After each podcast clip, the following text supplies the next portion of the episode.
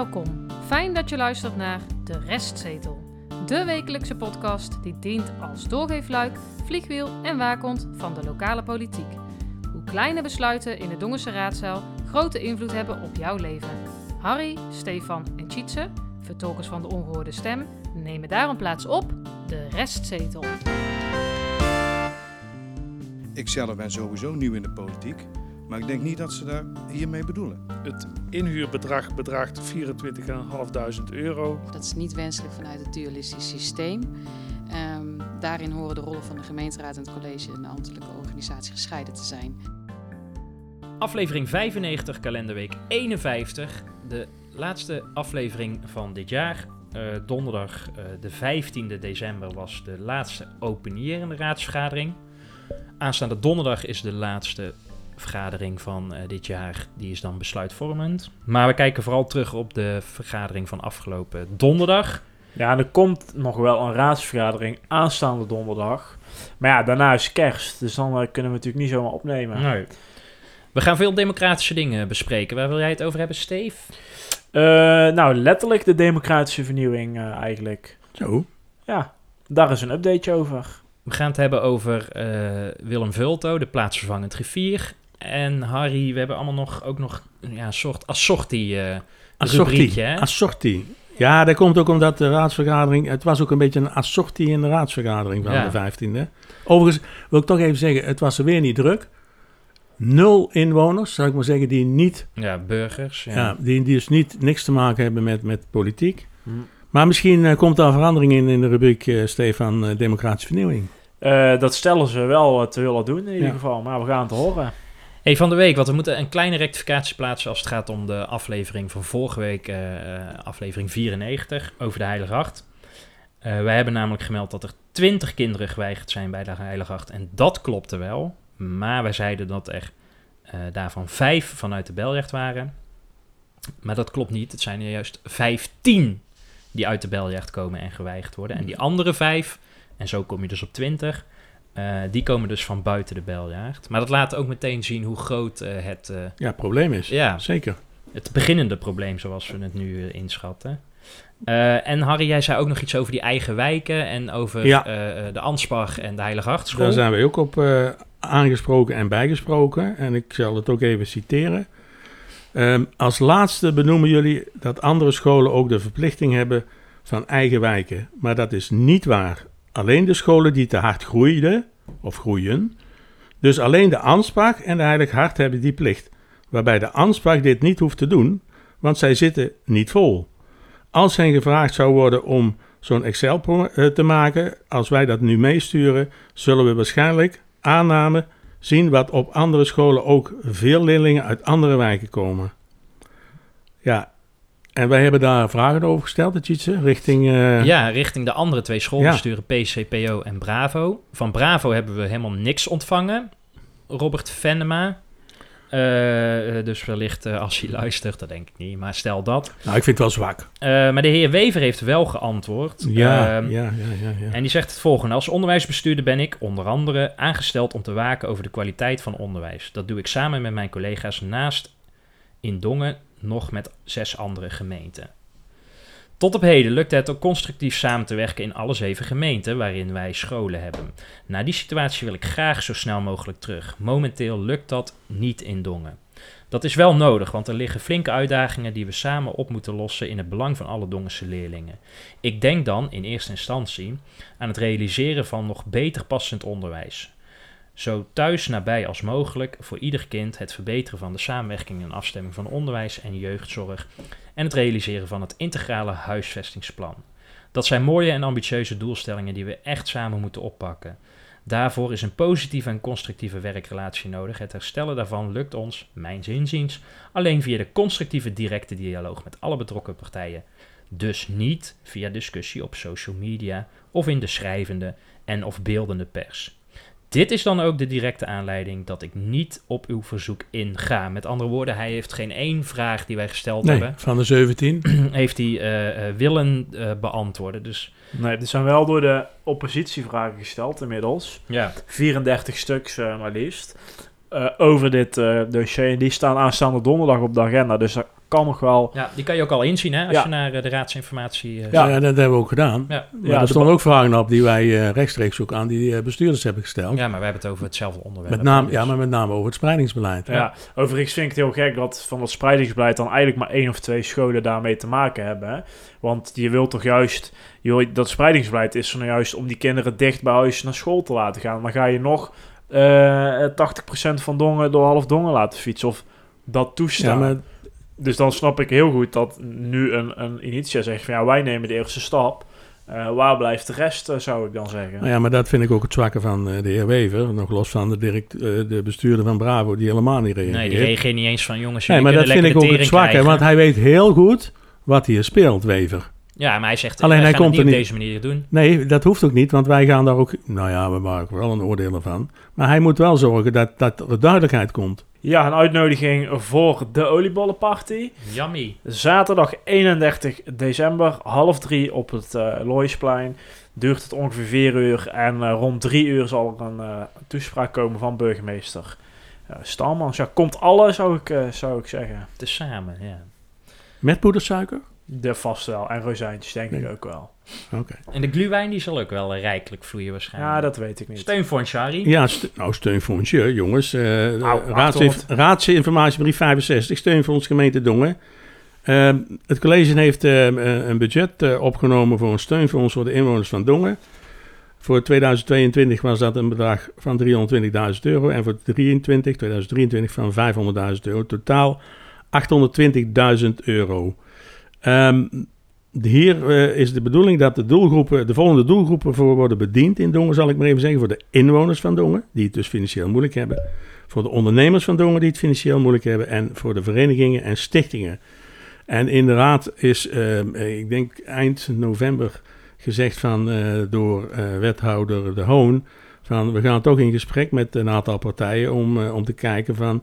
hoe kunnen wij nou vorm en inhoud geven aan de maatregelen... eh, om inderdaad geld eh, uit dat steunfonds te kunnen genereren. En ze hebben daar inderdaad mee gesproken met maatschappelijke instellingen, met eh, stichtingen en verenigingen, met ondernemers en ook met de WMO-raad en de participatieraad. In kort geef ik het volgende aan wat er besloten is. Er komen geen extra maatregelen in 2022.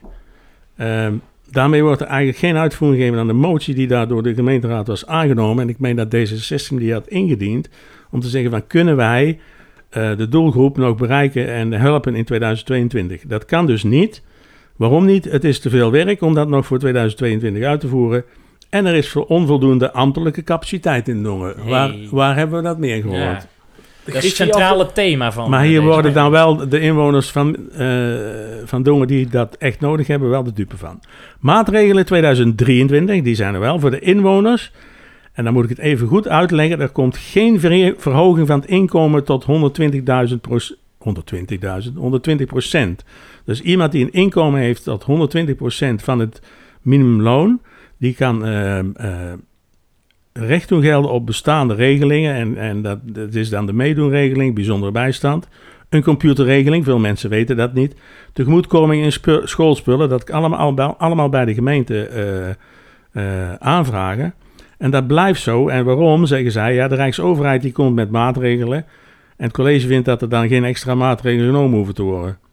En de bestaande maatregelen blijven van kracht in 2023. Eh, met de, maatregelen van de Rijksoverheid wordt dus bedoeld de verhoging van 10% van het eh, minimum, minimumloon en eh, daarmee ook de uitkeringen.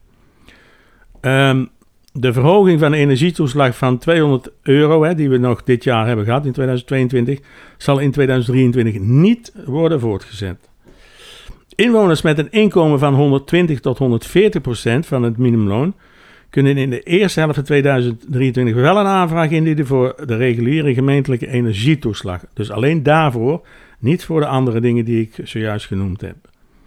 Er wordt extra ingezet op budgetcoaches voor inwoners die problemen hebben met het rondkomen. En hier wordt een bedrag van 7 75.000 euro uitgetrokken. Ja, ik vind dat nogal wat, hoor, moet ik eerlijk zeggen, budgetcoaches. Want dan ben je eigenlijk al te laat. En hoe komen de mensen bij die budgetcoaches terecht? Eenmalige bijdrage voor Eagle Shelter van 44.000 euro. Eh, waarom? Omdat er steeds meer mensen daar naartoe komen om gebruik te maken van de maaltijden. En ze hebben inmiddels ook een weggeefwinkel. Waar mensen dus gratis, eh, eh, ik denk ook veelal kleding kunnen krijgen. Wat ik wel mis is van, hoeveel mensen komen daar nou eigenlijk? Want je kan 44.000 euro uitzetten. Maar stel dat er maar eh 10 mensen komen, even wat gechargeerd. Dan is dat nogal een hoog bedrag. Dus misschien dat de raad eens vragen over kan stellen. En vanuit de meedoenregeling wordt in januari en februari 2023 acht groente- en, groente- en fruitbonnen verstrekt van 10 euro eh, in deze twee maanden. Dus in die twee maanden, dus zeg maar vier per maand. Voor de ondernemers. Het advies van het college is, ja, ik moet, ik moet er een beetje om lachen, koop centraal. Ja, dat is een leuk advies, maar dat kost de gemeente Dongen helemaal geen geld. Dus dat hoeven ze ook niet te financieren uit steunfonds volgens mij. Nee, maar ze gaan toch een eh, campagne daarvoor oprichten. Ja, dat kost geld, denk ik. Ja, maar ik denk niet dat dat... eh, Maar goed, we zullen kijken. Ehm, er wordt een korting gegeven, maar dit, die discussie hebben we al eens eerder gehad... van 4% op de tarieven van de OZB voor niet-woningen. Dus dan moet je denken aan de bedrijfspanden, hè? Voor, eh, voor de ondernemers. En volgens mij worden daar de kosten uit het steunfonds gehaald... maar ik kan het in het overzicht niet goed vinden. Dus dat, dat weet ik eigenlijk niet precies. Dus, ehm, want daardoor krijgt de gemeente natuurlijk minder inkomsten. En ondernemers hebben aangegeven te willen verduurzamen. En wat zegt de gemeente dan? Nou, dat is hartstikke goed. En wij st- stellen vouchers van 1000 euro per, eh, per keer eh, ter beschikking voor het inhuren van een professioneel energieadviseur.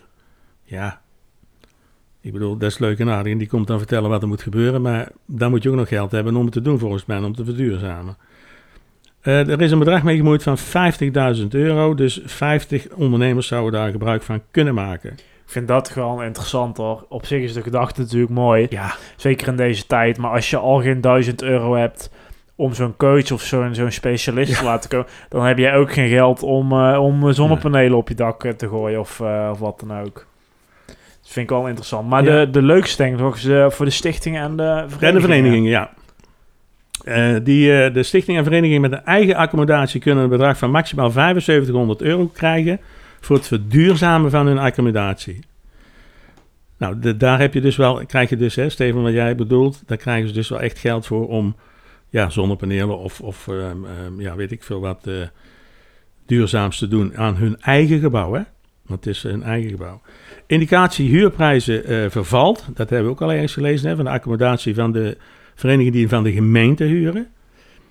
Ook hier is een korting van 4%, maar dat is, eh, dat is logisch natuurlijk, van op de OZB-belasting voor niet-woningen, dus voor hun eigen accommodaties. Ja, en eh, er, is, er wordt gesproken over maatwerk voor noodlijdende verenigingen en stichtingen. Er komt een budget van 30.000 euro. En als je aantoonbaar problemen hebt, bijvoorbeeld met energie, en als gevolg daarvan zou de vereniging of stichting om kunnen vallen, kun je een beroep doen eh, op dit, dit stukje vanuit het fonds. Nou, ik begrijp dat je keuzes moet maken, hè, want het, het fonds is natuurlijk niet eh, onuitputtelijk. Maar ik had toch wel iets meer creativiteit verwacht. Het zijn toch een, beetje de zaken. Het is heel voorzichtig allemaal. En er wordt met grote ogen gekeken richting het Rijk. Men denkt van gemeente, probeer nou ook zelf iets te doen. Ehm, ik adviseer wel de gemeenteraadsleden, voor zover ze luisteren uiteraard, om toch ehm, Iedereen toch? ja, dat weet ik niet. Maar om aan het college toch wel te vragen van... hou ons bij over de stand van zaken over dit steunfonds. Want als het niet uitgenut wordt... het mag natuurlijk niet zo zijn... Hè, zoals we in 2021... en daar heb ik me even vreselijk over opgewonden... dat er dus nog 70.000 euro over was... van de meedoenregeling. En, en ik blijf nog roepen... daar moet je eigenlijk voor schamen. Dus ehm, gemeenteraadsleden, zorg nou dat eh, die 820.000 euro... die hebben we niet voor niks gereserveerd... op een goede manier en constructief... maar ook helemaal richting eh, de inwoners, bedrijven en stichtingen en verenigingen van Dongen gaan. Ja, ik heb nog twee updates eh, voor jullie over de Noorderlaan en over eh, de Kameleur. Wat betreft Noorderlaan, dat heet vanaf nu Noorderbunder. Ik weet niet of dat ook al in onze tagjes, in onze hashtags is aangepast, maar anders moeten we dat eh, misschien nog doen. Eh, maar goed, daar zijn wat ontwikkelingen. Eh, het voorontwerp bestemmingsplan, dat is één woord, heeft ter inzage gelegen. Er is ook een inloopavond geweest. Er zijn een heleboel reacties op gekomen en die zijn ook beoordeeld en hebben een terugkoppeling gekregen. Dat wordt normaal altijd op papier gezet en is vaak ook wel ergens leesbaar, maar die kon ik nog nergens, nog nergens vinden. Ehm, er was een eh, positief advies nodig van het waterschap. Die is eh, binnen inmiddels. Anders mag je dat ontwerpbestemmingsplan niet eh, ter inzage leggen. Het is dus een voorontwerpbestemmingsplan en een ontwerpbestemmingsplan. Dat zijn twee verschillende dingen. Want het ontwerpbestemmingsplan, die ligt namelijk per afgelopen vrijdag 16 december tot en met 26 januari ter inzage. En op 13 april gaat de gemeenteraad daar een besluit over nemen. En ehm, dan moet de bedoeling eh, moet allemaal zo uitpakken dat in eind 2023 dat het bouw- en eh, woonrijp is. Zodat, er, eh, nou, dat we echt aan de slag kunnen gaan. Dan nog Kameleurtje. Hebben we ook nog eventjes tussen neus en lippen door gekregen. De wethouder had, ja, hij zegt toegezegd te hebben om uiterlijk 15 december met een plan van aanpak te komen.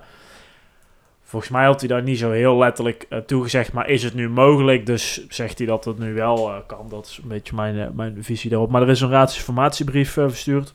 Er zijn drie bijeenkomsten geweest. Er is eerst allereerst pardon, een tweewekelijks overleg. Dat is met directeuren van de Kameleur en Kunstpodium en een medewerker van eh eh, Take 5. Een tweede bijeenkomst op 17 november en een derde bijeenkomst op 1 december.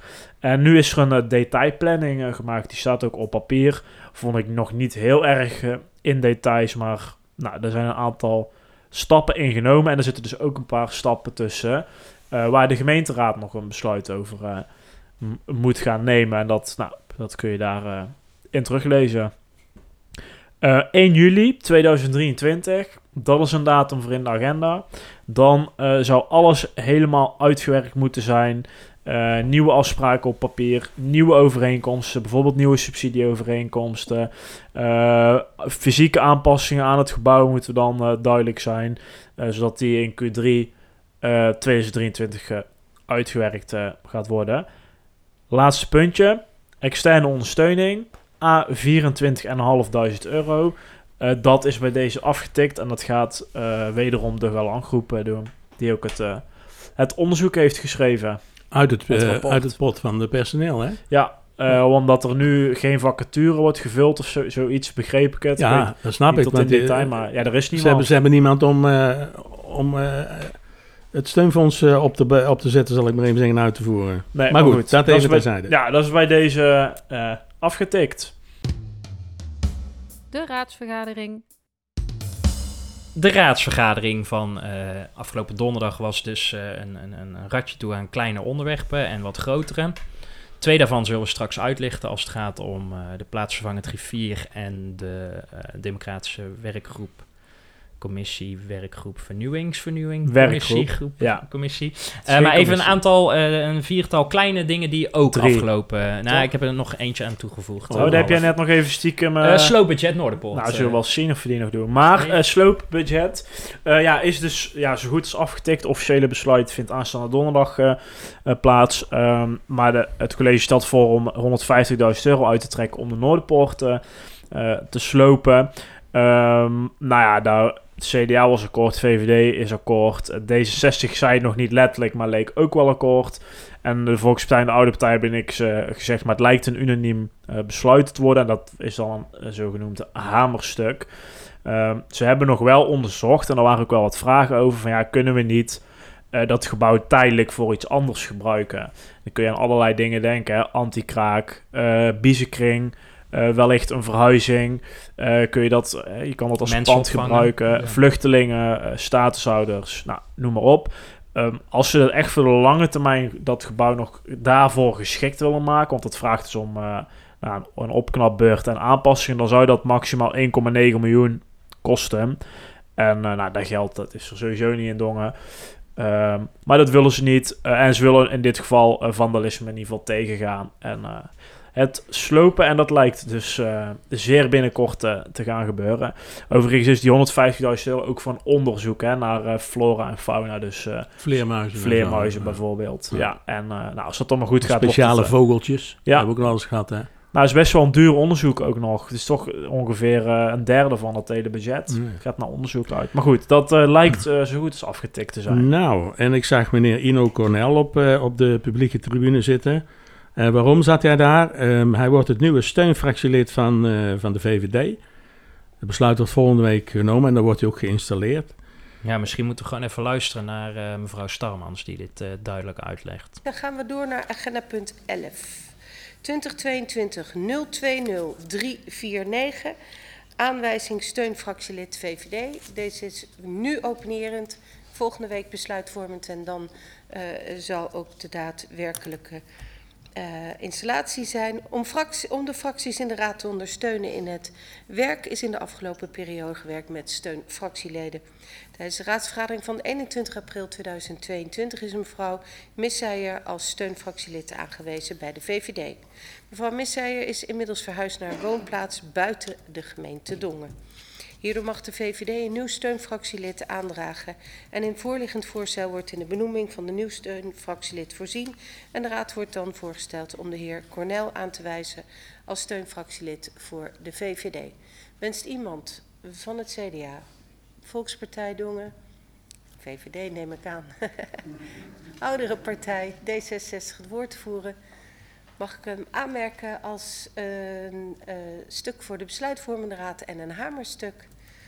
Dan wordt al dus besloten. En het wordt niet helemaal een hamerstuk, meneer Cornel. Wij zullen u dan ook installeren. Nou ja, dus eh, volgende week wordt eh, meneer Cornel wordt die, eh, beëdigd en geïnstalleerd. Waarschijnlijk, ja. Ja, Ja, moet je Ja. nog maar zien, hè. Maar in principe gaat Ja. dat wel gebeuren, ja. Eh, ik vroeg me ook af, nu we toch weer met, eh, met leden bezig waren, waar de financiële commissielid van de Volkspartij bleef, hè? Want, eh, blijft. Want de, ja, ze, ze zullen het heel druk hebben bij die onderzoeksgroep. of het nou allemaal klopt dat die meneer of mevrouw aangenomen mag worden als financieel commissielid. Ja, Maar- ze moesten nog wel uitzoeken. Maar misschien hebben ze gewoon daarin slecht nieuws gekregen of zo. Moeten ze toch weer iemand anders zoeken. ja, Die ze niet hebben dan, denk ik. Dus nou, we gaan het zien. ik weet het niet, ja. Hey, een paar weken geleden hadden we het over eh, die nieuwe vergaderopzet. Hè. Ze gingen bij de interruptiemicrofoon eh, of ze gingen bij het sprekerstoel te staan. En ze gingen ook staan als ze een interruptie wilden plegen. Allemaal besproken in eh, aflevering eh, 92. Eh, maar twee weken geleden viel het alles op dat er al een beetje de klad in die discipline kwam. En ik vond donderdag eh, Afgelopen donderdag nog meer. nog meer. Ja, ja. Eh, en op een gegeven moment eh, was meneer Sips van het CDA het ook zat. En die maakte daar een punt over. Meneer Sips, Kleine punt van orde. Ik hecht, zou er wel waarde aan hechten. En ik denk meerdere met mij dat we ons aan de afspraken houden ten aanzien van het spreekstoel te interrumperen, eh et cetera. Voordat we dadelijk. eh, ik zag een paar mensen op de publieke tribune ook al verbaasd kijken van eh, waar zijn we nu mee bezig. Dus ja, dat daar ben ik het mee eens. Ik, het was alleen meneer Den Broeder gaf één hele kleine suggestie. En meneer De Jong had het graag vanaf de spreekstoel eh, de tweede termijn. Zelfs meneer Den Broeder, zelfs meneer. En ik heb, ik, ik, ik, eh, uiteindelijk zou ik ook eh, elke keer naar de spreekstoel moeten staan. maar dan gaat dat wel heel erg, omdat ik niet en kan voorzitten en op en neer rennen. gaat dat wel echt ten koste. Dus de volgende keer zal ik gaan staan als ik als portefeuillehouder antwoord geef. Ja, meneer Sips had hier ook gewoon Ja. eh, gelijk, hè? Ja. En dan zie je weer dat mevrouw Starmans, die als voorzitter, die moet toch de voorbeeldfunctie geven. Die zegt dan, ja, ik liep niet die kant op, want eh, dat is niet handig. Waarom hebben ze dat destijds dan zo afgesproken? Als zij zich toch, toch aan... Ja, ik weet wel wat de echte officiële reden is, maar goed. Dat mag je Hè? niet zeggen. Nee, maar... En, en, want daarna, eh, een paar eh, minuten later, een kwartier later of twintig minuten later... dan moet ze weer gaan staan. En dan ge- geeft ze zo'n halve snauw aan meneer Sips van... eh, nou, dan zal ik maar gaan staan, omdat het zo moet, hè, meneer Sips. Ja, Terwijl nee, ik denk, nee, jij moet gewoon je houden aan de regels die zijn afgesproken door de raad. En dan krijgt meneer Sips het op zijn op zijn bammetje alsof hij de, de, de kwaaie paljas was die dit bedacht heeft. Ja, en het, daarbij, het college is daar te gast, hè. Dus die, die heeft gewoon te luisteren in die zin eh, naar de raad. Plus, als zij het helemaal netjes wil doen. Kijk, het is op zich wel goed dat ze dan uiteindelijk gaat staan. Die sneer, dat is een beetje jammer, maar het is goed dat ze gaat staan. Maar ze, ze staat op haar eigen plek, terwijl ze eigenlijk naar het spreekstoel toe moet lopen. En op het moment dat het over haar dossier gaat, Ja. dan moet iemand anders gewoon het voorzitterschap Ja. overnemen. Nou was meneer Kleijzen niet en ik vraag me af, die is eigenlijk de plaatsvervangend voorzitter. Ik vraag me af wie dat is als hij er ook niet is. Dat helpt misschien allemaal niet, maar zij moet gewoon daar ook eh, vragen over kunnen krijgen zonder dat ze die zelf kan afkappen. Ja, want ja. dat gebeurt. eh, Nee, maar als, als de voorzitter, dus mevrouw Stamans, eh, niet paal en perk stelt aan dit, dan wordt het straks een comedy capers. Want dat is wat er gebeurt. Hè. Je begint op een gegeven moment te lachen. Hè. Want de ene gaat zitten, de andere gaat staan. Ja. En de ene keer zegt ze, oh nee, staat- nu mag het wel zo. En dan weer ja, niet. dat kan niet. Dat zijn precies de Dan scheidsrechters. Nederland-Argentinië. Ja, eh, na de tweede gele kaart ben je al niet meer eh, geloofwaardig. Nou ja, daar heeft mevrouw Stamels al jaren last van. Maar uiteindelijk eindig je met 19 gele kaarten. En denkt iedereen van, wat was dit voor scheidsrechter? Nee, eh, democratische vernieuwing is, is dit, dat is dit ook een onderdeel van, vind ik. Ja. Nog En één laatste punt over die demo, want er was nog één en dat hadden jullie nog niet gezien. Maar het reglement van orde, waar wij al maanden rijkhalzen naar uitkijken, is dus afgelopen donderdag eh, toch van de agenda afgehaald op verzoek van het CDA en de Volkspartij, Ja. want die hadden toch nog een paar puntjes. Ja, ja, kan dus hè. eh, daar komt er dus donderdag weer een vraag half uurtje van 10 minuten. En dan zitten we weer 20 minuten eh, Ik mag Ja, hopen te voor niet, wachten. maar ja. ja. Nou, hopelijk gaan ze dat ook democratisch vernieuwen, Stefan.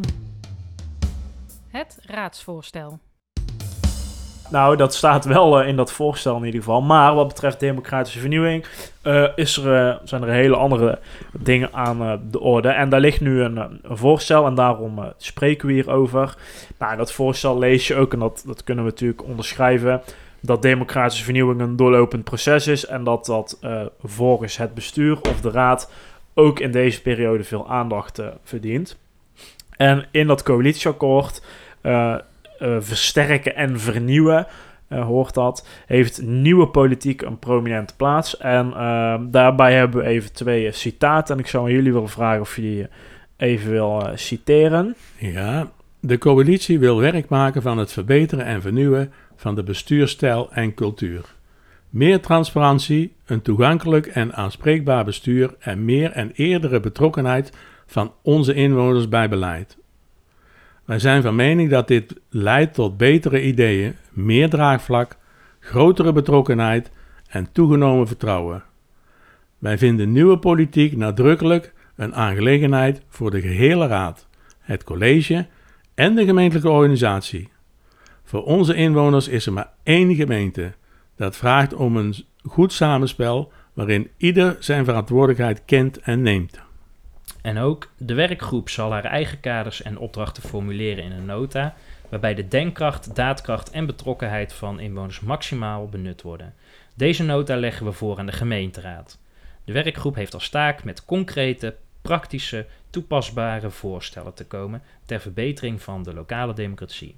Ja, nou, dit voorstel eh, eh, ligt nu dus daar. En de werkgroep eh, Democratische Vernieuwing wil daarmee de opdracht eh, eigenlijk laten vaststellen. En dat moet eh, de rest van de gemeenteraad ook doen. Ehm, deze werkgroep, moeten we zeggen, hè, dus het is geen commissie, wil, niet. nee, Nog wil wel gaan vergaderen als commissie. Nou, dat is een beetje een ingewikkeld verhaal. Artikel 84 gemeentewet. eh boeit. Zou, zou wel mooi zijn trouwens, toch? Want die ja, zijn openbaar. Nou ja, dus niet. Maar daar komen commissie wel. Nee, maar daar komen we zo nog wel op terug. Ehm, even luisteren naar de voorzitter van de nu nog werkgroep Democratische Vernieuwing, Koert van Os. Ja, eh dank u wel voorzitter. Even ter verduidelijking, ik eh, spreek hier niet namens het CDA, maar ik mag hier spreken namens eh, de gehele eh, gemeenteraad, oftewel de werkgroep Democratische Vernieuwing. Hè, dus voor alle fracties eh, die daarin deelnemen. Dank u wel, voorzitter. Eh, collega raadsleden, college en de voornaamste in deze, onze inwoners. Ik hoop dat er veel meekijken. Namens de gehele werkgroep zal ik dus het, eh, het woord mogen voeren hierover. En ik kan jullie vertellen dat wij als werkgroep enorm veel zin hebben om als commissie voortvarend aan de slag te gaan. Dat neemt niet weg dat we al heel wat avondjes aan gespendeerd hebben met vooral leuke, diepgaande en stevige gesprekken te hebben gevoerd. Gelukkig waren we het vooral eens over de betrokkenheid van onze inwoners. Die is naar ons inziens veel te laag. Tijdens de verkiezingen was het wel duidelijk geworden dat er een veel te lage opkomst was. En dus aan onze taak om de inwoners nog meer en wellicht veel eerder te gaan betrekken. Want al wat wij doen is immers voor onze inwoners. Nieuwe politiek. Deze term komt nogal eens voorbij. Ik zelf ben sowieso nieuw in de politiek, maar ik denk niet dat ze daar hiermee bedoelen. Wat is toch die nieuwe politiek? Is dat oude politiek in een nieuwe jas? Is het vernieuwende politiek? Of is het nieuwe politiek in een oude jas? Beetje verwarrend, nietwaar? Wat we als werkgroep hebben ervaren is dat we in ieder geval een aantal dingen anders dan wel vernieuwend aan moeten pakken. Alle goede dingen van onze voorgangers, die zullen we moeten voortzetten. En al wat minder goed of zelfs slechts is gegaan, zullen we moeten aanpakken en veranderen.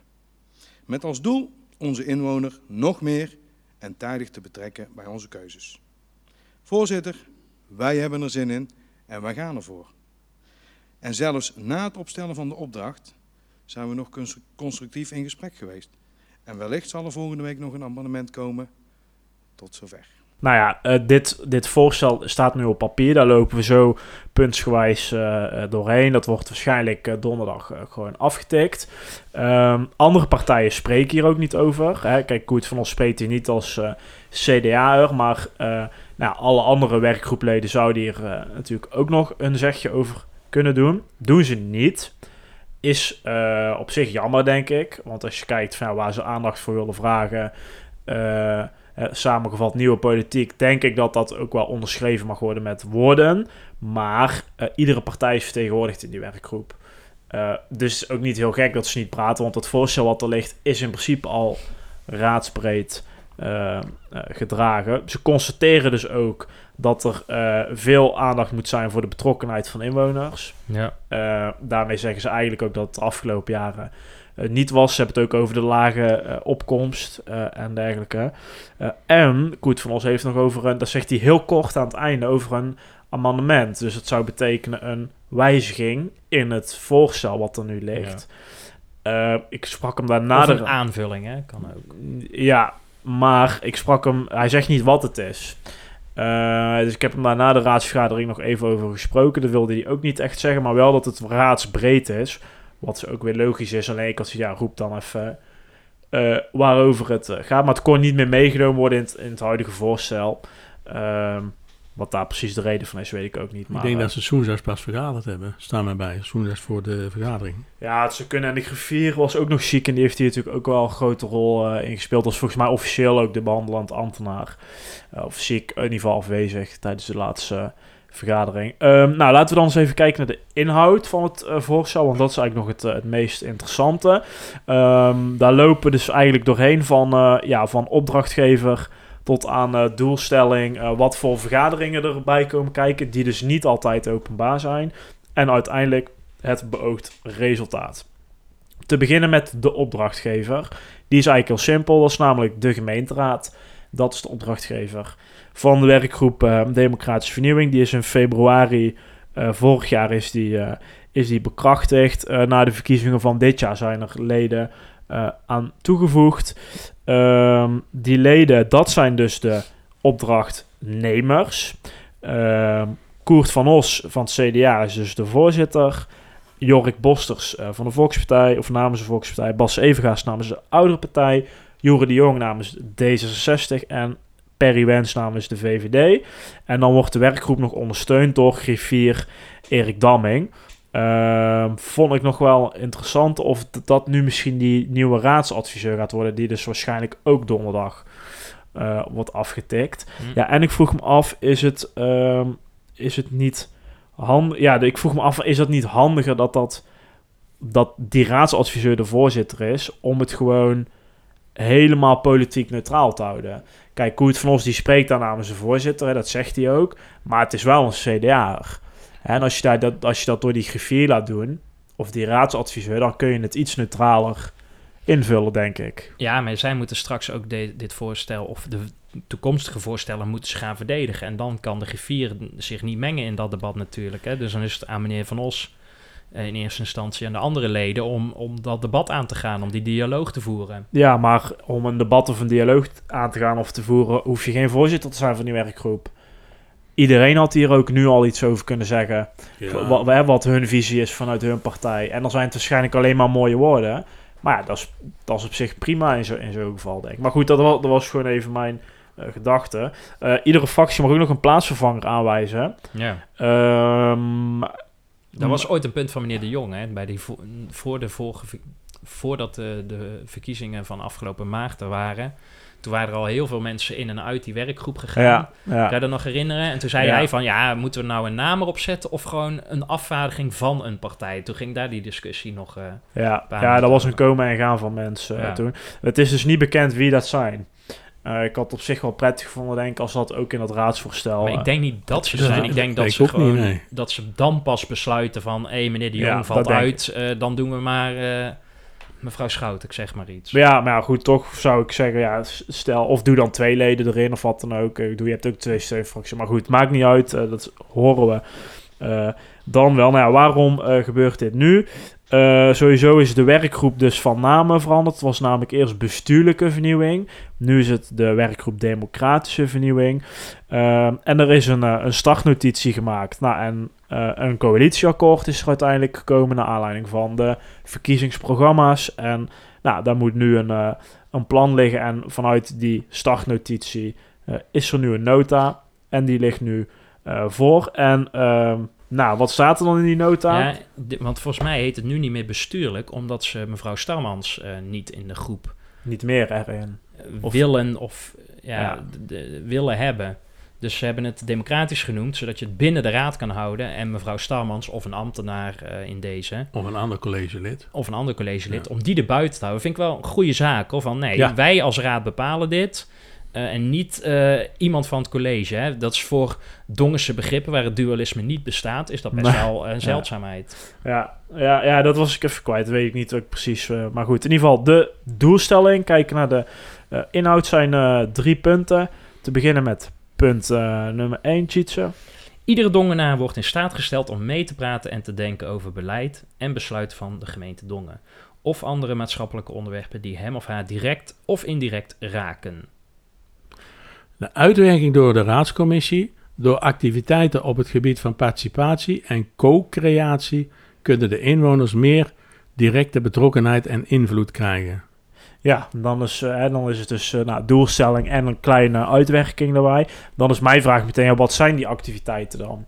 Ze hebben het wel over die vergaderingen, die, die, de, dus de ronde tafelgesprekken, de brainstorm sessies, de evaluaties. Ja. Maar ja, is dat het dan? Eh, nee, het zal iets meer moeten worden, want eh, de, de ervaring leert, want dit zijn allemaal activiteiten die ze al gedaan hebben. Hè? Ja, Laten we dat ook heel eerlijk zeggen. Maar ehm, maar daar kwam drie man op af. ja, precies. Ja, Dus eh, ze zullen toch eh, Ja. creatiever moeten zijn. ja goed. Nou, punt twee.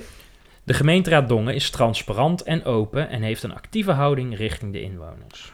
Uitwerking door de raadscommissie. Inwoners meer op de hoogte brengen van de werkwijze en besluiten van de gemeenteraad. Meer zichtbaar worden als gemeenteraad. Ja, nou komen we ook nog een klein stukje op terug als we het straks hebben over eh, communicatie. En dan punt drie. De gemeenteraad is een professionele organisatie die zijn taken optimaal inhoud geeft. Hè, dus volksvertegenwoordiging, kaderstelling en controle. Uitwerking door de raadscommissie. De gemeenteraad zorgt voor eigen professionalisering, bevordering van kennis van de raad en zijn leden, zowel inhoudelijk als procesmatig. Denk aan kwaliteit van het debat en de besluitvorming, voortgang van uitvoering, proactieve opstelling, zich inhoudelijk door deskundigen laten informeren, etc.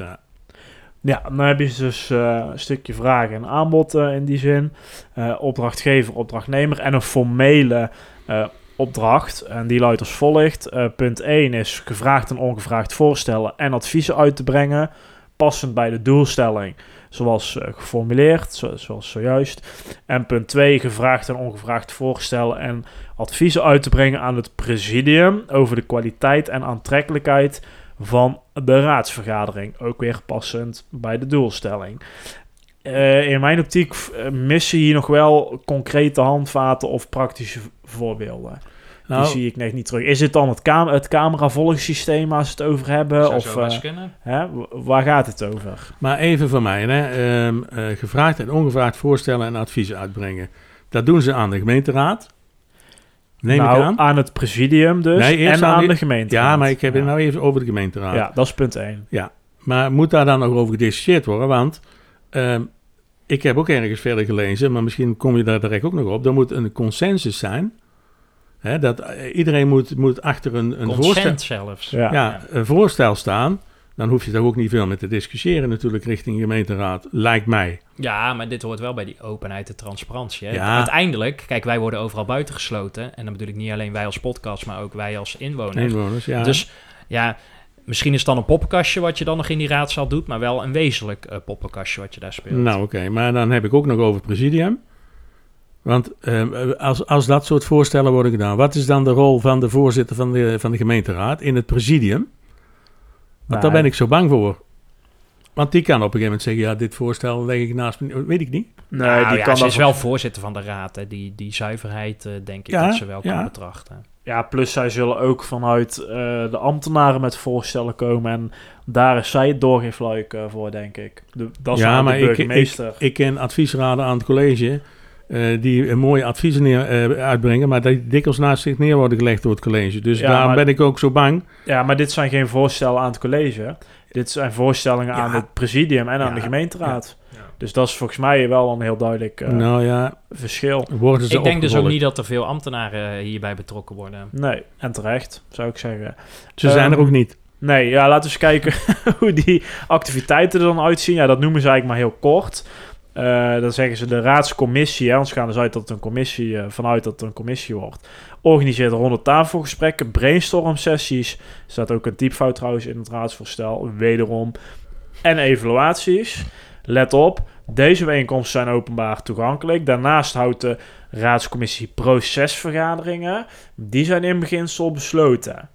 En dan is mijn vraag meteen, waarom is niet alles openbaar? Als je in eh, doelstelling 2, de gemeenteraad Dongen is transparant en open en heeft een actieve houding richting de inwoners. Ik weet ook niet zo goed wat een procesvergadering inhoudt in deze. Want ze hebben altijd gezegd, nou, wij willen eh, lekker kunnen brainstormen achter Ja. gesloten deuren. Nou, de, de, nou, daar is iets voor te zeggen. Zeker. Maar ik weet niet of bij een procesvergadering er nog gebrainstormd gaat worden. Dat denk ik dus wel, als zij zeggen in beginsel is hij gesloten. Maar ja, ik, ik vind dat een rare gang van zaken. Overigens vind ik het wel goed dat ze nu zeggen van we gaan zoveel als mogelijk openbaar eh, toegankelijk maken. Eh, dat, is al, dat is al een hele verbetering. Want tot nu toe, in dit hele rubriekje, hebben we nog geen één keer het woord media of zo gehoord. Hè. In dat raadsvoorstel staat media ook niet. En wij we worden met de nek aangekeken als wij daar die zaal binnenlopen door eh, sommige raadsleden en Ja. wethouders. En daar hebben we het volledig naar gemaakt. Hè. De, zo eerlijk ben ik Ja. ook om te zeggen. Nou, maar maar andersom, alleen- andersom ook, hè? wij De dragen- raadsleden ook, hè? Ja, ja, ja, maar ja. wij dragen wel dezelfde doelstellingen als eh, deze. En wij krijgen hier geen vergoeding voor. ja. En daar zijn wij niet zielig in. Nee. Maar we, we doen wel eh, gewoon hetzelfde werk. Maar tot Ja. nu toe worden we eh, nog niet betrokken. Nee, dat is een gemiste kans, eh, denk Misschien ik. moeten we dat ook helemaal niet willen. hè, Maar... Nee, nou, Nee, je moet niet afhankelijk worden. Nee, we hoeven niet afhankelijk te zijn. Maar kijk, wij maken wel de weg vrij, eh, ook voor normale burgers, om eens een keer naar die raadsvergadering te komen kijken. Dat is waar. En daardoor is de opkomst overigens wel verdubbeld. Maar goed, dat Ja, maar terzijde. Met 1%. Ja, ja, met nou, één persoon is 50%. Ja, 50% maar dat even, ja. Maar goed, ehm, die vergaderingen, er zijn een paar afspraken over. Eén, ze v- vergaderen in principe elke drie weken. Eh, de vergaderingen worden opgenomen in de agenda van Notibis. Dus dan kun je dus zien wanneer ze vergaderen. En er komt eh, van elke vergadering een besluitenlijst die dan ook weer via Notibis eh, eh, openbaar wordt gemaakt. En ze, de, ze gaan door als er een meerderheid van de leden eh, aanwezig is. Dus ja, in feite zijn dat... eh, als er drie partijen zijn, dan, eh, dan heb je een, eh, een meerderheid. Ehm, ik vroeg me nog wel af of die ehm, de, inhoudelijke agenda, of die ook online komt. Ja. Dus je kan zeggen, dan vergaderen we. Dat gaan ze dus nu communiceren, maar gaan ze ook communiceren waarover ze dan Ja. vergaderen. Zoals bijvoorbeeld dat college het nu doet. Hè. Die gaan op maandag publiceren ze de agenda, op dinsdag vergaderen ze en dan komt meestal op donderdag of zo komt dan de, de besluitenlijst. Ja, ehm, dan gaan ze hier volgens mij iets anders doen. En ik dacht van, hm, dat kan misschien, kun je daar nog een kleine aanvulling Nou, maar ze komen ook met een besluitenlijst. ja, Eh, dat wel. ja. Dus dat is ook goed. Alleen hè, open, transparant. Is Laat ook dan aan ook- de voorkant. eh, Precies, want je, ja, en laat dan zien waar je het over gaat hebben. Want als jij het ergens over gaat hebben, maar je gaat er geen besluit over nemen, dan weten wij dus van niks. Ja, want dan staat het niet in die besluitenlijst. Hetzelfde geldt. Ja, en bij het college weet je dat dan dus van, oké, daar hebben ze over gesproken, maar nog geen besluit genomen. Misschien was er geen besluit. Ik denk dat wij te snel willen, jongens. Laat ze eerst eens, want dit is natuurlijk al heel wat, hè? Dit laten we, laten ook heel ja, eerlijk zeker, zijn, hè? Zeker. En dit is Ja. ook alleen maar te- loven. Ja, wat ze zeker, zeker, doen zeker, zijn. zeker. En het gaat ook met vallen en opstaan. Ja, Ja. maar het kan altijd beter. Maar ze kunnen wel af en toe naar ons luisteren, daar is niks mis mee, hè? Nee, maar ik denk dat ze ook... Ze luisteren wel, maar ik weet niet... Of ze horen wel, maar ik weet niet of ze luisteren. Om het, eh, en dat hoeft ook helemaal Nee, niet. maar dat is aan hun. Nou, Goed, ehm, dan eh, dat alles kost ook nog een boel geld. Namelijk 30.000 euro. En dat gaan ze gebruiken voor het inhuren van expertise, het houden van enquêtes en het eh, huren van ruimtes voor bijeenkomsten en voor communicatiemiddelen. ja. Ehm, dat wordt nog niet heel uitgebreid onderbouwd. Eigenlijk zijn ja, dit zeg maar de vier eh, puntjes eh, die ze daar benoemen. Die uitwerking of die nadere onderbouwing, die komt nog wel. wat betreft die financiën, die komt in het eerste kwartaal van het aankomende jaar. Eh, de middelen worden via de bestuursrapportages gevraagd. Hè? Dus is, ja, dat is zeg maar de, de B-raps, de, de, de aanpassingen op begrotingen eh, en dat soort eh, dingen. En dan moet het uiteindelijk in de begroting worden meegenomen vanaf 2024 om het een beetje structureel eh, te maken. Maar waar komen die eerste 30.000 euro vandaan dan? Nou, die worden dus ergens uit potjes getrokken, reservepotjes. En die Ja. gaan ze dan gewoon recht trekken of verantwoorden via de B-rap. Dat is het voorstel. Ja, daar krijgen we zicht op dan in, eh, in In het eerste kwartaal. Ja, in principe wel. Maar goed, in principe zeggen ze nu al van ja, het is 30.000 euro hier en hiervoor. Maar goed, ja, zo'n enquête, ja, wat voor enquête is er dan? Het huren van een ruimte, ja, dan gaan ze ergens in de kameleur zitten of weet ik veel waar. Ja, waarom doe je dat niet in het gemeentehuis, bij wijze van spreken? Ja, omdat hè? je die wijken in moet. Ja, Dat maar dan moeten ze dat verantwoorden. Waarom ze dat, dat daar gaan doen? Hè? Waarom gaan ze in de geubel zitten, bij wijze van spreken? Ja. Ehm, het budgetbeheer, dat ligt bij de raadsgriffier. En dan vroeg ik me af, waarom ligt dat dan niet bij de voorzitter? ja, voorzitter van OS, bedoel je dan? In dit geval wel, ja. Ik zou zeggen dat de voorzitter ook de griffier mag zijn. En dan dus Ja. ook het budgetbeheer mag doen. Maar Misschien dat eh, de griffier meer gemachtigd is om, eh, om dat geld goed te besteden. En dat is ook een neutraal figuur. Hè? Ik heb het liever bij de griffier dan bij meneer Van Os. Niet dat ik meneer Van Os niet zou vertrouwen. Maar dan, dan heb je dus wel een neutraal... eh, eh, Nou ja, je moet, moet, dat is in veel verenigingen natuurlijk ook zo, of hoe je dat ook noemt, over organisaties. De voorzitter gaat niet over de centen. Nee, is En niet de ook, hè? nee, dat is ook, eh, daar is ook bewust voor gekozen Ja. natuurlijk, in al die verenigingen. nou goed. Dus hier ook. Ja, nou dan hebben we eh, het geld. Dan hebben we dus nog een eh, stukje communicatie ook, eh, zoals toegezegd. Ze zeggen daarbij dat dat echt een goede communicatie over het werk van de Raadscommissie Democratische Vernieuwing is van groot belang. Ze gaan een webpagina maken op de website van de gemeente Dongen. Met daarop informatie over de doelstelling, de opdracht, de onderliggende documentatie en ook de bereikbaarheid van de leden van de raadscommissie. Dus een mailadres of zo, of een contactformulier. Ehm, ja, dat komt erop. Op zich nou, best een goede zaak, eh, eh, denk ik. Om het wat eh, laagdrempelig te maken. En dan hebben ze nog een Facebookpagina van de gemeenteraad. Dat soort dingen, die gaan ze dan ook allemaal gebruiken. Nou, al dat werk moet dan leiden tot een resultaat. Ehm, daar hebben ze dus opleverafspraken voor vastgelegd. Of die gaan ze eigenlijk vastleggen. Daar gaan ze een besluit over nemen, hopelijk eh, eh, donderdag. Dat zijn drie punten. Eh, de raadscommissie geeft vorm aan de uitvoering van de opdracht op basis van een doelstelling. Nou, dat is logisch. De leden van de raadscommissie dragen zorg voor een uitleg en terugkoppeling naar de eigen fractie van hetgeen is eh, besproken. Ehm, als ze bij de fractie vragen of voorbehouden levert ten aanzien van het werk van de raadscommissie, kan de fractie worden uitgenodigd om een vergadering van de raadscommissie bij te wonen. Daar kunnen ze er dus eh, bij zitten. Eh, en dan nog punt 3, vond ik toch wel interessant, is dat er twee keer per jaar komt er een update eh, voor de gemeenteraad en de andere geïnteresseerden over de voortgang, de actuele stand van zaken en de vervolgplannen voor de raadscommissie. Hm. Kijk, nou zal die gemeenteraad wel wat vaker worden geïnformeerd via de, de fractie. Hè? Eh, maar ja, voor ons bijvoorbeeld, ja, wij moeten straks doen met twee keer per jaar. Dat vind ik wel wat weinig voor eh, zo'n belangrijke eh, raadscommissie straks, nu werkgroep, die ook 30.000 euro kost. Ja, maar ja, kijk, zij komen weliswaar drie keer per week of drie weken bij elkaar, om de drie weken. Maar eh, het blijft natuurlijk wel eh, hobbywerk, zou ik maar even zeggen. Hè? In de zin van heel concreet, binnen een, als zij binnen een half jaar iets concreets weg kunnen zetten, dan zou ik dat heel knap vinden van eh, deze commissie. Omdat het gewoon tijd nodig heeft om dat goed weg te kunnen zetten. Dus ja, Maar je kan het ook vier keer per jaar doen. ja maar ik denk dat er dan heel vaak niks te melden eh, zal Ja, zijn. maar dat is ook nieuws. Geen nieuws is ook nieuws. Ja, volgens Bob Spaak niet. eh, maar ja, nou, ik snap Oh, je die is- punt. Die is al lang door. Ja, precies. Geen nieuws ook Bob. Spaak. Maar goed, nee, ik vind het in, in, in, in de breedte van de zin gewoon een mooi, een mooi voorstel. Goed dat ze hiermee bezig zijn, maar op sommige punten kan het gewoon denk ik iets concreter of, eh, of uitgebreider. Eh, donderdag wordt er een besluit over genomen. En eh, dan zullen we de eerste update van volgend jaar wel afwachten. En dan eh, komt het vast ook weer eh, bij ons aan bod. Het citaat. Ja, deze rubriek heet Het Citaat. En het citaat wat ehm, centraal staat in deze rubriek eh, bestaat maar uit twee woorden. En dat is niet wenselijk. Wat is er aan de hand? Agenda punt 12 was het raadsvoorstel voor de aanwijzing raadsadviseur en plaatsvervangend griffier.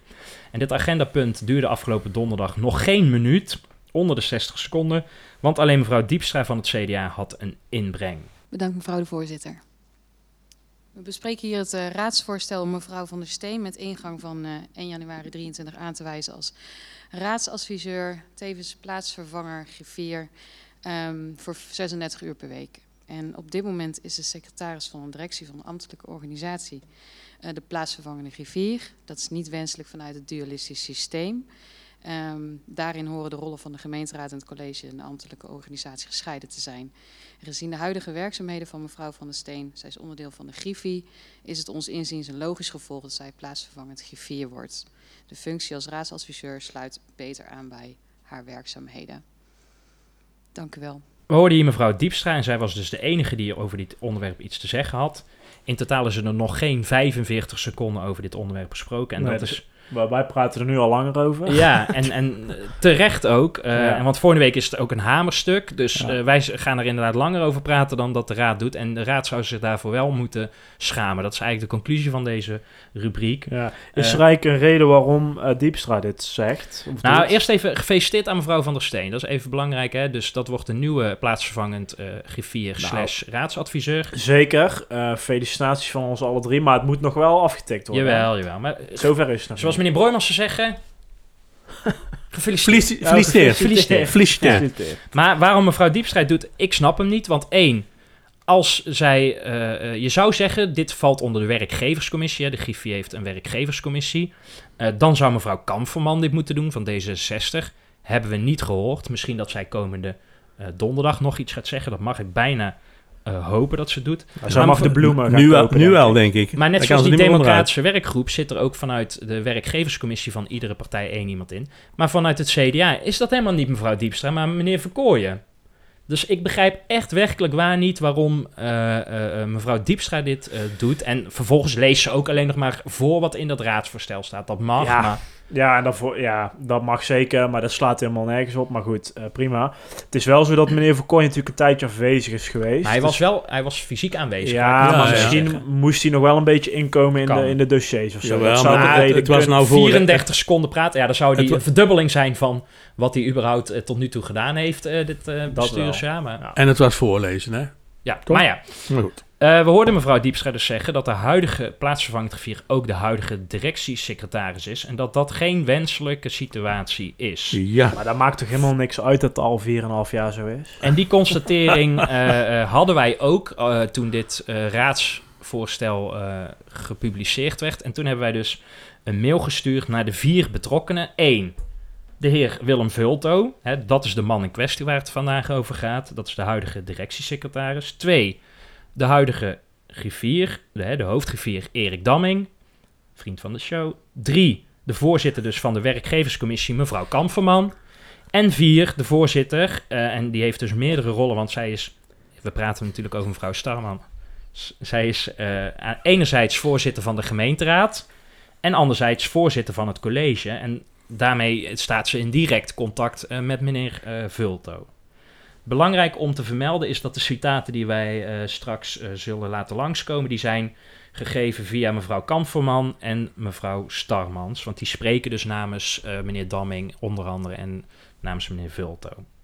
Toch jammer dat zij zelf geen antwoord eh, hierop willen of durven te geven. Maar goed. Ja, in mijn optiek hadden ze gewoon alle vier eh, los een mailtje moeten sturen. Ja. Met hun, eh, en prima als je dat al afstemt onderling of zo. Ja. Maar nou, dat hebben ze ook wel een beetje gedaan. hè. Dus het was ook wel fijn dat ze het geclusterd hadden, moet ik eerlijk ja, ja. maar- En het was op tijd. Hè. We konden het mooi voorbereiden voor deze aflevering. Dus op zich, het, allemaal geen ramp. Maar ja, mm, het zal knip- het gewoon los moeten doen. Jitsu was het ook alweer. Ja, ik knip hem even op in drieën. We gaan eerst even naar de contextuele voorgeschiedenis kijken. en Daarna naar het raadsvoorstel, wat dus af, aanstaande donderdag afgetikt wordt. En als laatste de integriteitskwestie die hier speelt. De voorgeschiedenis. Het gaat dus over meneer Willem Vulto Daniluk, nu gewoon Vulto genoemd. En meneer Vulto eh, is 12 jaar lang griffier geweest bij de gemeente Dongen van juni 2006 tot 18 mei 2018. En in 2018 is hij eh, ja, als hoofdgriffier gestopt en is hij doorgegaan als plaatsvervangend griffier. Waarom? Omdat hij op 1 juni 2018 directiesecretaris werd hè, van de Dongense ambtelijke organisatie. Dus er zijn hier twee functies die eh, samen eh, komen. Aan de ene kant hebben we dus de directiesecretaris. Daarmee valt hij direct onder Henk van Noord, de gemeentesecretaris. En wat doet nou een directiesecretaris, eh, Harry? Nou, die eh, probeert allerlei dingetjes eh, in het ambtelijke, want hij is, heeft bijvoorbeeld ook iets met eh kameleur gedaan. Hè? Ja, Als, eh, dus hij wordt overal ingezet om, eh, wellicht ook soms om eh, brandjes te blussen, denk ik. ja een oliemannetje. Ja, dat is niet handig als je brandjes blust. Maar... Nee, dat klopt. Formeel is de gemeentesecretaris onderdeel van het college van burgemeesters en eh, wethouders, hè, BNW. En daarmee speelfunctie in de ambtelijke organisatie. Ja, maar ik heb het al eens eerder geroepen. Een directiesecretaris is eigenlijk heel ouderwetse, jongens. Dat is tien jaar geleden is Ja. dat in veel gemeentes opgeheven. Want het is gewoon eh, de, de gemeentesecretaris die dat eigenlijk allemaal moet oppakken. Ja, Maar maar, hij is dus de rechterhand daarvan. Ja. En we weten ook allemaal, hè, dat, dat, nou, dat is publiek geheim. Als meneer Van Noord straks stopt, dan denk ik niet eens dat er een vacature wordt uitgeschreven. Want dan fietst meneer Vulto eh, van de een op de andere dag gelijk in die nee, functie. je, je kan, nee, dat geloof ik niet. nou, Ja, nee, nee, maar je moet Het- wel een vacature ja, oké, plaatsen. maar dan weten we wel hoe die sollicitatie Ja, oké, eh, ja. verloopt. Nou, Dus dat is de ene kant. Hè. We praten hier echt over de trias politica. Hè. Dus eh, de uitvoerende macht hebben we het hier over. En volgens Montesquieu kan dat nooit eh, samengaan met de wetgevende macht. Maar in Dongen kan dat eh, dus Dongen- eh, wel. Kan alles. Want aan de andere kant heb je dus de gemeenteraad. Hè, en die worden ondersteund door de griffier. Hè. De griffier is echt in dienst van de gemeenteraad. En ondersteunt dus de gemeenteraad in die drie taken. Het volk vertegenwoordigen, kaders stellen richting het college... en het controleren van het beleid van het college. Ja. En daar zit juist die wrijving, hè. Want de gemeenteraad zou in een goed functionerende lokale democratie... dus het college moeten controleren... Eh, maar die wrijving die werd dus ook wel geconstateerd op het gemeentehuis. En dat blijkt ook wel uit het raadsvoorstel. Want in het raadsvoorstel staat het volgende. Op dit moment is de heer W. Vulto Daniluk plaatsvervangend griffier. Daarnaast is de heer W. Vulto Daniluk secretaris van de directie van de ambtelijke organisatie. Vanuit het dualistisch, zo, vanuit het dualistisch systeem, waarin de rollen van de gemeenteraad, college en dienstambtelijke organisatie gescheiden zijn, is dit niet wenselijk. En toen ontstonden er bij ons twee vragen die centraal staan. Eén, wat is de onderbouwing dat dit volgens hen niet wenselijk is? En twee, wat is de aanleiding dat deze niet wenselijke situatie juist nu, na 4,5 jaar, opeens nog veranderd moet worden? En die vraag hebben wij gesteld dus aan de vier mensen die ik net noemde. Ehm, als we gaan kijken naar die onderbouwing van deze situatie, antwoorden zij gezamenlijk het volgende, Harry. Vanuit het dualisme gezien is de ondersteuning van de gemeenteraad, tussen haakjes Griffie, ideaal gezien losgekoppeld van de ondersteuning van het college, ambtelijke organisatie. De realiteit is dat de gemeente Dongen een kleine gemeente is en dat binnen de gehele organisatie meerdere eenpitsfun- eenpitsfuncties zijn. Bij het afscheid als griffier van de heer Vulto Daneluk in 2018 had de griffie nog steeds een omvang van 1,4 FTE en was er binnen de griffie niet de juiste kwaliteit om het plaatsvervangend griffierschap binnen de griffie te beleggen. Omdat de heer Vulto Daneluk werkzaam bleef bij de gemeente Dongen, is aan hem gevraagd het plaatsvervangend griffierschap op zich te nemen. Ja, en de huidige griffier, meneer Damming, eh, eh, geeft nog een kleine nuance. Hij zegt, eh, ja, niet, dit is niet wenselijk, deze situatie, omdat het in alle zuiverheid niet strookt met het dualistische stelsel wat is ingevoerd in 2002. Maar het is niet onwetmatig. En dan is het aan mevrouw Kamferman als voorzitter van de werkgeverscommissie om ook nog een duit in, in het zakje te doen, Stefan. Als werkgeverscommissie vinden wij het dualistisch systeem erg belangrijk. De gehele gemeenteraad is erbij gebaat om een goede scheiding van rollen na te streven. Gemeenteraad, college, ambtelijke organisatie, griffie. Vanuit het dualistisch stelsel achten we het wenselijk dat de plaatsvervangend griffier onderdeel is van de griffie-organisatie, met als werkgever de gemeenteraad. Dit was vanwege de krappe formatie en samenstelling tot nog toe niet te realiseren. We zijn blij dat we als werkgever van de Griffie onze medewerkers ruimte kunnen geven tot ontwikkeling en nu op deze manier kunnen laten doorstromen. Ja, dus we hebben nu de griffier gehad, de werkgeverscommissie. We hebben natuurlijk ook nog de voorzitter van de raad, mevrouw Starmans. De burgemeester heeft als standpunt dat het meer wenselijk is om de plaatsvervangend griffier aan te stellen te benoemen vanuit de griffie. Maar dat moet ook haalbaar zijn. Gelet op de praktische omstandigheden, zoals beperkte bezetting van de griffie, is het in Dongen een periode lang niet haalbaar geweest om de functie van plaatsvervangend griffier in te vullen vanuit de griffie. En even verderop zegt ze... Dualisme zorgt voor gescheiden verantwoordelijkheden van college en raad en dat leidt tot duidelijke taken voor de gemeentelijke organisatie. Dat zorgt voor extra duidelijkheid en transparantie van gemeentebestuur in onze samenleving. Bij de invoering van duaal stelsel heeft de toenmalige gemeenteraad de taak van plaatsvervangend griffier belegd binnen de ambtelijke organisatie. Dit is conform de gemeentewet en deze constructie wordt ook toegepast in andere gemeenten in ons land. Ja, mag ik daar iets over zeggen? Een paar dingen. Uh, die 4,5 jaar, dat is natuurlijk wel heel lang.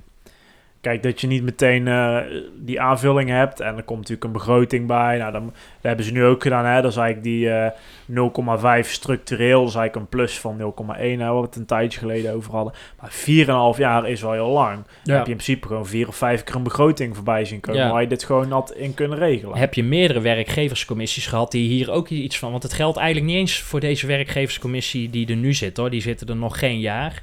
Wat hebben de vorige werkgeverscommissie dan gedaan? Er zijn dus nu drie werkgeverscommissies geweest. Ja. Hè, dat zijn dus um, bijna uh, 15 raadsleden. Die er allemaal nooit een punt van hebben gemaakt zoals, uh, zoals het nu overkomt. Nee, in vier en half jaar. Dus dat is, uh, ja, dat is toch raar. Dan zeggen ze ook nog dat die constructie in andere gemeenten in ons land wordt toegepast. Maar ten eerste, ja, dat geloof ik eigenlijk niet. Ik zou eigenlijk nu nog willen vragen van een vervolgvraag willen stellen van noem maar uh, twee voorbeelden ja. van gemeentes uh, in ons land. Maar daarnaast, het is niet dat het dan ook maar mag, weet je wel, dat het dan maar kan voor vier en een half jaar. Nee, het wordt toch geen legitiem argument daarmee. Kijk, wat ze ook zeggen is van, hè, het gebeurt dus vaker dat een, een burger of een ambtenaar, moet ik zeggen, een ambtenaar uh, ook plaatsvangt vier is. Nou, als dat al zo is, oké okay dan. Maar uh, het scheelt nogal als die ja. ambtenaar, uh, weet ik veel, op financiën zit of voor mij pakt in de pensioenendienst en dan nog plaatsvangt gevier. In de plaats van, dit is gewoon de rechterhand van meneer Van Noord. Als meneer Van Noord iets niet kan oplossen, of uh, als hij als oliemannetje iets van tevoren moet immerseren, komen ze bij meneer Vulto terecht. Hè? Dus van alle mensen zit hij het dichtst op het vuur van, uh, van beide kanten. Dat vind ik zo vreemd aan, aan, aan, aan deze hele discussie. Vooral omdat de gemeenteraad zelf helemaal niks hierover gezegd heeft. Want hij kan soms ook informatie tot zich nemen. Ja, als ja. plaatsvervangend griffier, wat nog niet bestemd is voor het college. Nee, nee nou ja, die kans is aanwezig. Maar daar komen we straks bij de integriteit okay. nog op terug. Okay. Overigens viel me afgelopen donderdag ook weer op, namelijk die scheiding. Hè, mevrouw Starmans geeft dat impliciet ook wel een beetje toe. Want in dezelfde vergadering van afgelopen donderdag uh, gaat het over het personeelsbeleid. Daar is meneer De Jong van D66 al een paar keer uh, kritisch op geweest. En meneer Den Broeder ook. Uh, en dan zegt mevrouw Starmans altijd het volgende, net zoals afgelopen donderdag. Ik wil u best op de hoogte houden over eventuele onderuitputting. Ik ga u niet op de hoogte houden over wat dat precies aan taken, et cetera. Want die discussie hebben we al eens een keer eerder gevoerd. Dat is aan de directie in het college. Maar uh, wij zullen u uh, op de hoogte houden als het gaat om ook PNO.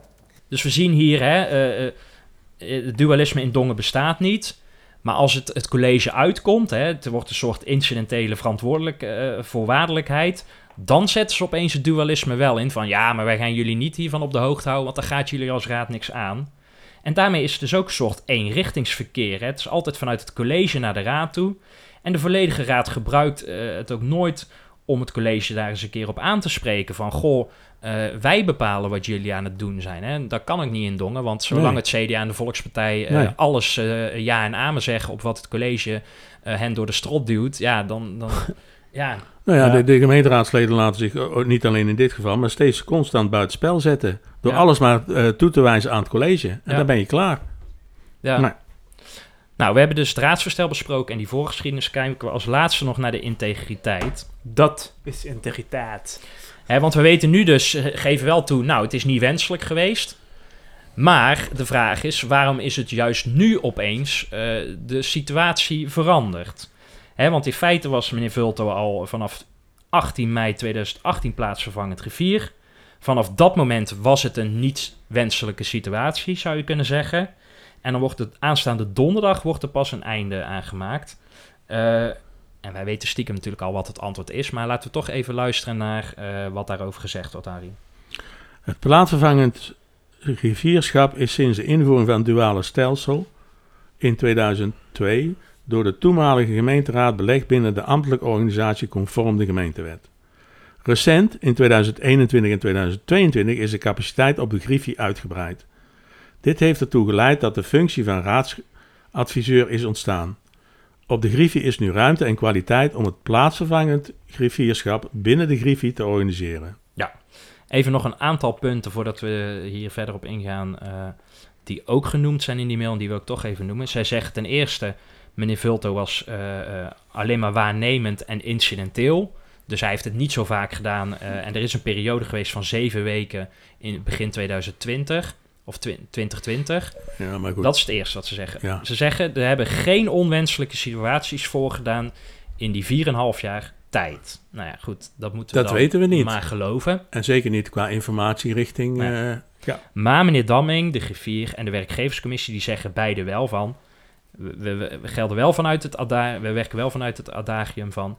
Hè, iets hoeft niet verkeerd te zijn eh, gegaan om een verbetering te realiseren. Dus ergens proef je daar wel van... we zitten niet helemaal goed. Nee. Eh, geen één betrokkenen zegt dat hier sprake is van eh, een belangenconflict of verstrengeling. Daar zijn ze allemaal heel resoluut in. Ze vinden allemaal dat meneer Vulto altijd rolzuiver heeft gehandeld. En dat hij als plaatsvervangend griffier het belang van de gemeenteraad heeft gediend. En dat zijn beschikbaarheid de afgelopen periode als plaatsvervangend griffier heeft gezorgd voor stabiliteit en zekerheid. Ehm, ze zeggen ook nog dat nu hij directiesecretaris is, hij zich gewoon houdt aan de ambtelijke eh, integriteitsprotocol die geldt. En de werkgeverscommissie wilde duidelijk even zeggen dat eh, ja, ze verwijten zichzelf niets over deze situatie en ze zijn verheugd binnen één jaar na installatie de benoeming van de plaatsvervangend griffier eh, vanuit de griffie te hebben gerealiseerd. En want dat is de reden dat nu deze niet wenselijke situatie ophoudt. Hè? Ja. Als ze geen plaatsvervangend griffier hadden, bedenk ik me nu pas, was meneer Vulter misschien nog jarenlang eh, eh, zo geweest. En dan Ja, was, maar- dat, was dat ook nog steeds niet wenselijk. Maar ja, blijkbaar kan dat eh, in Dongen. Nee, maar de werkgeverscommissie zegt van nou, we hebben binnen een jaar hebben we dit nou geregeld. Ja. Maar dit is ook een verwijt naar de volledige raad. Hè? Want zij hebben nooit genoeg FTE beschikbaar gesteld... Nee. om, om hun griffier gewoon goed weg te zetten. Om ja, gewoon te zeggen van... hey, dit hebben wij nodig om ons werk goed te laten doen. En we hebben daar dus ook gewoon een goede griffieafdeling bij nodig. Dus de volledige raad is, loopt hier ook eh, te slapen, lijkt het wel. Ja, nog eens een vraag van een andere orde. Zou die plaatsvervangend griffier Vulten ook daar ook nog betaald voor krijgen nu? Is dat een, een, een bedrag per vergadering of is dat een bedrag... eh, ja. Of doet hij het allemaal uit eh, liefde en oud papier? Dat zou, liefde, werk, oud papier, dat zou ook kunnen. Ja, en dan heb je nog wat Harry ook al zegt, die informatie, die vertrouwelijke informatie vanuit de raad, die misschien nog niet voor het college is. Ja, als jij dus wel een account, eh, een beschermd account op Notibis hebt, dan zou je die documenten misschien wel kunnen zien. Dus Ja, is die dat voor de raad zijn en nog niet voor het college. Ja, dus is dat account eh, ja, en daar is- zit die integriteit van hem. Hè. Even, vanuit de raad moet je, is dit niet wenselijk. Oké, eh, daar zijn we volgens mij over eens. Maar vanuit meneer Vulto zelf is het toch al niet wenselijk? Die had toch op 18... En ik geloof dat hij het echt met de goede intenties bedoeld heeft... om de gemeente en Dongen te helpen. Maar hij had zelf toch in 2018 moeten zeggen... Yo jongens, ik heb de opleiding gehad... Dit gaat tegen alles in wat ik op mijn opleiding als griffier geleerd heb. En ik moet dit niet willen. Nee, en ik wil Nee. binnen een jaar stoppen. Zodat ja, jullie, of binnen een eh, half jaar. Of, Nee, maar je moet wel op zoek naar mensen natuurlijk. ja, eh, maar hè, 4,5 jaar is gewoon heel erg lang. En dat is natuurlijk ook weer mevrouw Starmans als hoeder van de integriteit. zij had dit, want zij was in 2018 ook al eh, eh, voorzitter en burgemeester. Zij had dit natuurlijk ook moeten signaleren en moeten veranderen. Hè? Nee, Ja. maar het lijkt wel dat het een beetje weer op zijn dongens is van... nou jongens, we komen er wel mee weg en als het zover is, dan... eh, Ja. Maar ja, dit... dit, dit, dit- En ik mis dus afrondend, ik mis dus ook hè, die, die, die 32 seconden van mevrouw Diepstra. De volledige raad had hier ook iets van moeten zeggen van... hey, dit is gewoon echt niet goed gegaan. Wat kunnen we hiervan leren met z'n allen? Eh, misschien moeten we wel, eh, nou, excuses aanbieden, zullen ze natuurlijk nooit doen, want het is geen Rutte. Maar hè, ze hadden wel kunnen zeggen richting de inwoners: dit hebben we als volledige raad eh, niet goed gedaan. En als jij je inwoners echt serieus neemt en je lokale democratie, kom ik terug op jouw punt, Steve, over jouw rubriek. Dan hadden ze dit toch ook open en transparant moeten doen. Ja, kan nog komen, hè? Dat ze daar wel iets in een stemverklaring nog nou, over ik zeggen. hoop dat aankomende donderdag daar iets over gezegd gaat worden. De voorspelling. De voorspelling, ja, dat is een, eh, een leuke, want namelijk een puntje voor mij Oh jee. erbij. Eens even kijken hoor. Eh, ja, ik heb er bijna een kop, zie ik al wel. Eh, want eh, zou er door een raadslid iets gezegd worden over de openbaarheid van de vergadering of notulen, werkgroep Democratische Vernieuwing, wat dus een commissie lijkt te worden. Ehm, dat is niet gebeurd, eh, want het enige wat erover gezegd is, eh, is hetgene wat wij al hoorden Ja. eh, van meneer Van Os eh, in de vorm van voorzitter. Ehm, dus puntje erbij. Tussenstandje nog even maar voor de jaarwisseling dan. Ja. Vier punten voor Harry, tweede plek. Vijf punten voor Tjitse, eerste plek. En drie punten voor mij, de derde plek. Mooie stand. Mooie stand. Ehm, nieuwe voorspelling. Eh, het kerstreces gaat beginnen. Dan ligt alles eh, even op zijn gat. En eh, dan komen straks na de jaarwisseling... eh, komen er weer wat raadsinformatiebrieven eh, langs. Dus laten we eerst voorspellen... waar de eerste raadsinformatiebrief... na het kerstreces over gaat... en wanneer die komt. Met een datum. En dan dacht ik nog even... houden we dan een datum aan wanneer het kerstreces voorbij is... Dat mag iedereen voor zich weten, hè? Ja, maar dan moeten we, dan zeggen we gewoon vanaf 1 januari dan toch? Want dat Nee, moet wel even helder zijn. Hoezo? Nou ja, het de nieuwe jaar begint vanaf 1 januari. Ja, dus na 1 januari. En het onderwerp... Oeh. Nou had ik dus eigenlijk een andere bedacht, namelijk ehm Cassade, de prestatieafspraken. Want die zag ik in eh, eh, de eh, besluitenlijst staan. Zie je, Dus ik dacht, Niet jammer zitten kijken, Die hè? heb ik eh, Mhm. Jij schrijft hem nu op, uh, Cheats. Nee, nee, nee. Oh, want die is namelijk net verstuurd. Dus blij dat die nog komt. Maar ik ga nu voor openbare orde en veiligheid. Met als datum 11 januari. Ik heb ook 11 januari, maar ik zeg de prognoses van de leerlingen eh, hier eh, in Dongen. Ja, interessant. Ah, slim, ja. Ja. Ja. Harry? Ik zeg 12 januari. Oh, spannend. Maar ik wist het eigenlijk niet precies. Ik, ik, ik heb iets algemeens. Het gaat over de omgevingswet. Maar denken wij... Ja, dat dat is weer wordt uitgesteld, ja. Maar wij denken, nie- niemand van ons denkt dat in de eerste week eh, er überhaupt gewerkt wordt. Nee, op natuurlijk niet. Want het is gewoon tot, tot 7 januari of zo. is het al kerstvakantie. Nee, Nee, ja. die gaat allemaal door. Er niemand durft een besluit te nemen daarover. Tot 9 januari is het gewoon kerstvakantie. Maar die van, van die Ja, leerlingen ongeveer, vind ik wel goed. Ja, en ehm, deze openbare orde en veiligheid is een van de eerste raadsinformatieavonden van het Ja, nieuwe jaar. die is Dus die eh, 19 zeg ik zeg twee puntje bij voor Stefan. Fijne Maar- feestdagen. Nou ja, donderdag wordt het dus nog spannend, Ja. gelet op eh, de vraag over de Heilige Acht. Dus misschien... eh, Kom langs. Ja, Nou ja, Acht je- uur. we- we- veel mensen moeten komen, denk ik. Kom lekker langs. Achterzijde van het gemeentehuis kun je zo Het naar is wel het lopen. laatste agendapunt, hè? Eh, ja. maar misschien wordt hij als het soms als is op de tribune alles om naar voren. Oh, maar dat zal waar. nu denk ik niet moet je gebeuren. even aankondigen van we komen met z'n allen. Ja, maar het wordt geen lange vergadering. Dat, eh, ik denk dat we zo... nou, eh, het, kan, het kan nog spannend worden, ik, nou, we gaan het zien. In ieder geval, eh 8 uur, kom lekker langs of kijk thuis aan, dat kan ook. Ja. Eh, 16 januari zijn wij weer terug. Ja. Fijne feestdag, fijne kerst, fijne jaarwisseling. Ja, en vergeet de oliebollenparty niet. niet. Nee, met poedersuiker. 31 Met poedersuiker. En de rozijntjes, Ja. december. Fijne dagen. Looiersplein. Fijn dat je hebt geluisterd naar De Restzetel. Wil je gebruik maken van het spreekrecht? Of heb je tips, aanvullingen of suggesties? Ga dan naar de website restzetel.nl.